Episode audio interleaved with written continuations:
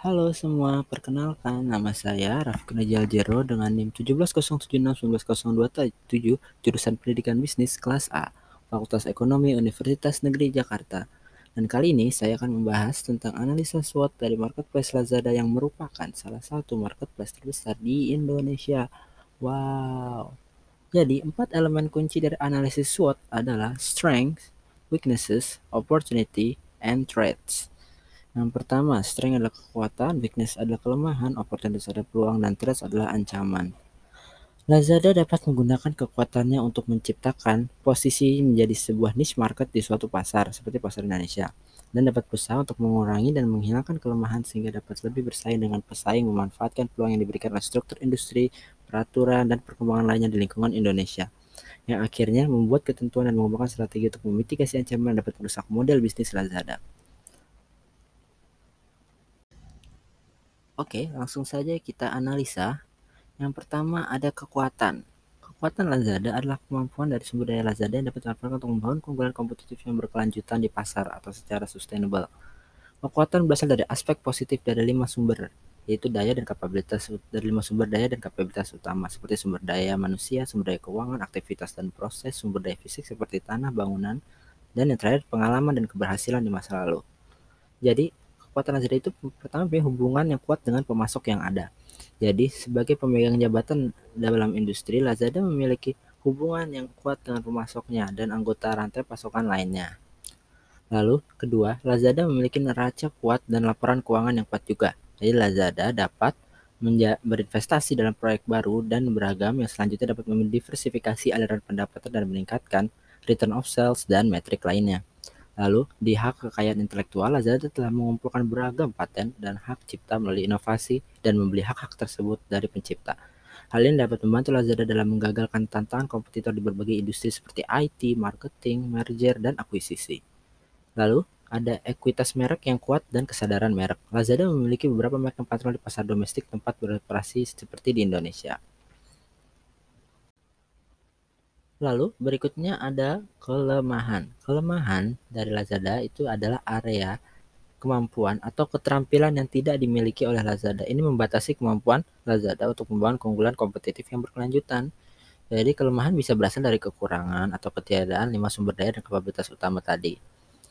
Lalu yang pertama ada Lazada menurut uh, studi kasus Alibaba Group acquiring Lazada to win the Southeast Asia e-commerce battle itu mereka berkata bahwa Lazada memiliki kekurangan dalam bakat kritis di pekerjaan mereka di sumber daya manusia mereka. Saya percaya bahwa Lazada itu memang menderita kekurangan bakat kritis terutama di bidang teknologi dan transformasi digital.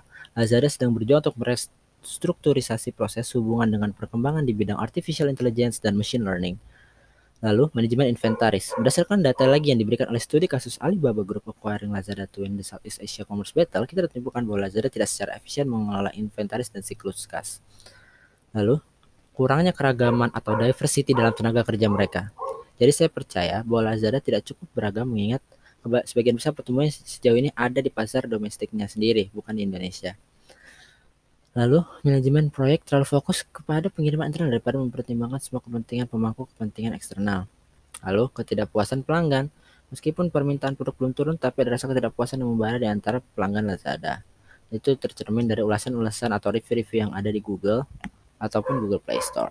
Lalu yang terakhir, lalu ada implementasi teknologi dalam proses. Meskipun Lazada memiliki teknologi terintegrasi dalam proses back end, ia masih dapat belum da, belum dapat memanfaatkan kekuatan teknologi dalam proses front end yang di sini itu berarti dalam hal websitenya. Websitenya masih interface-nya masih terlihat tidak jelas walaupun uh, back-endnya sudah atau servernya sudah sudah cukup baik. Lalu berikutnya ada peluang. Jadi peluang adalah faktor lingkungan makro dan perkembangan yang dapat dimanfaatkan Lazada untuk mengkonsolidasikan posisi di pasar Indonesia. Yang ada untuk menggunakannya untuk mengekspansi lebih lanjut. Peluang dapat muncul dari berbagai faktor seperti perubahan preferensi konsumen, peningkatan disposable income konsumen, perkembangan politik dan perubahan kebijakan di Indonesia, inovasi teknologi, dan pertumbuhan ekonomi di Indonesia. Jadi peluang menguntungkan di pasar Indonesia. Jadi globalisasi itu telah membuka di peluang di pasar internasional, terlebih di Indonesia. Lazada berada di salah satu posisi utama untuk memanfaatkan peluang tersebut dan menumbuhkan pangsa pasar. Menurut Nur Izzati binti Harun, seorang analis di grup Alibaba, pertumbuhan di pasar internasional juga dapat membantu Lazada untuk mendiversifikasi risiko karena tidak akan terlalu bergantung pada pasar domestik untuk pendapatan. Lalu, ukuran pasar Indonesia yang berkembang dan preferensi konsumen yang berkembang di Indonesia. Selama satu setengah dekade terakhir, ukuran pasar telah tumbuh dengan cepat. Masuknya pelanggan baru juga menyebabkan evolusi preferensi dan selera konsumen. Hal ini menghadirkan dua tantangan besar bagi Lazada, yaitu bagaimana mempertahankan pelanggan setia dan bagaimana melayani pelanggan baru. Lalu berikutnya ada perkembangan AI atau Artificial Intelligence atau bahasa Indonesia-nya kecerdasan buatan. Lazada dapat menggunakan perkembangan kecerdasan buatan untuk memprediksi permintaan konsumen dengan lebih baik, memenuhi segmen khusus, dan membuat mesin rekomendasi yang lebih baik. Lalu perubahan lanskap teknologi. Pembelajaran mesin dan ledakan kecerdasan buatan mengubah lanskap teknologi tempat Lazada beroperasi terutama di Indonesia. Jadi Lazada dapat menggunakan perkembangan ini untuk meningkatkan efisiensi, menurunkan biaya, dan mengubah proses. Lalu, peningkatan pendapatan sekali pakai konsumen atau disposable income. Jadi Lazada dapat menggunakan peningkatan pendapatan disposable ini untuk membangun model bisnis baru di mana pelanggan membayar secara progresif untuk menggunakan produknya. Lalu akses ke talenta internasional di pasar global. Jadi salah satu tantangan Lazada adalah akses terbatas ke pasar talenta tingkat tinggi karena keterbatasan anggaran. Jadi ekspansi ke pasar internasional dapat membantu Lazada untuk memasuki pasar bakat internasional. Lalu berikutnya ada peluang.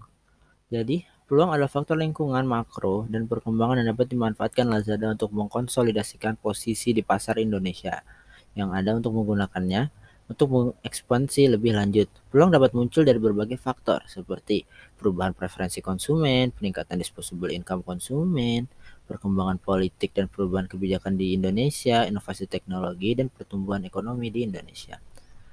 Jadi peluang menguntungkan di pasar Indonesia. Jadi globalisasi itu telah membuka di peluang di pasar internasional, terlebih di Indonesia. Lazada berada di salah satu posisi utama untuk memanfaatkan peluang tersebut dan menumbuhkan pangsa pasar. Menurut Nur Izzati binti Harun, seorang analis di grup Alibaba, pertumbuhan di pasar internasional juga dapat membantu Lazada untuk mendiversifikasi risiko karena tidak akan terlalu bergantung pada pasar domestik untuk pendapatan.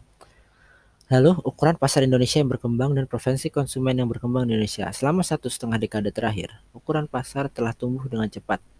Masuknya pelanggan baru juga menyebabkan evolusi preferensi dan selera konsumen.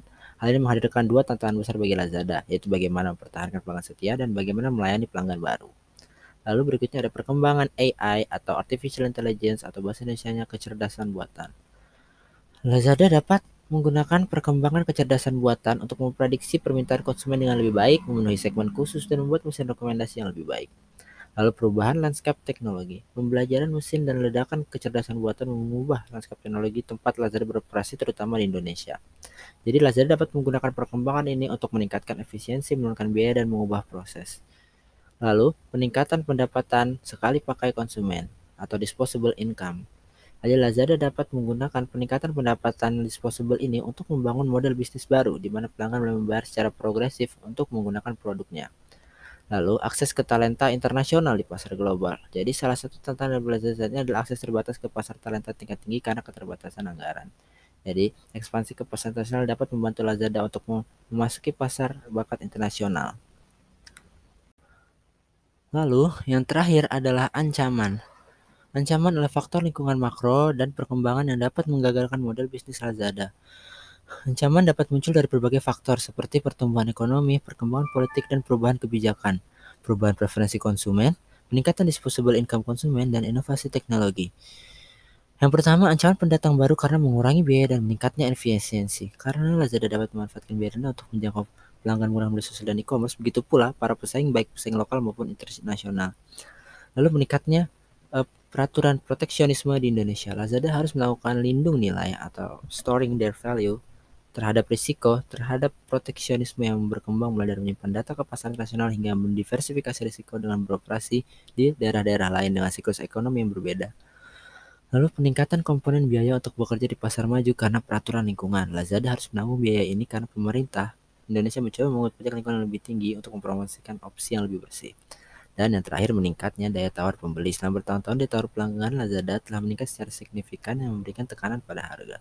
Perusahaan dapat mengejar integrasi horizontal untuk mengkonsolidasikan dan menghasilkan efisiensi. Terima kasih telah mendengarkan podcast kali ini. Mohon maaf apabila ada salah kata dan mohon maaf karena saya sedang sakit. Uh, terima kasih. Wassalamualaikum warahmatullahi wabarakatuh.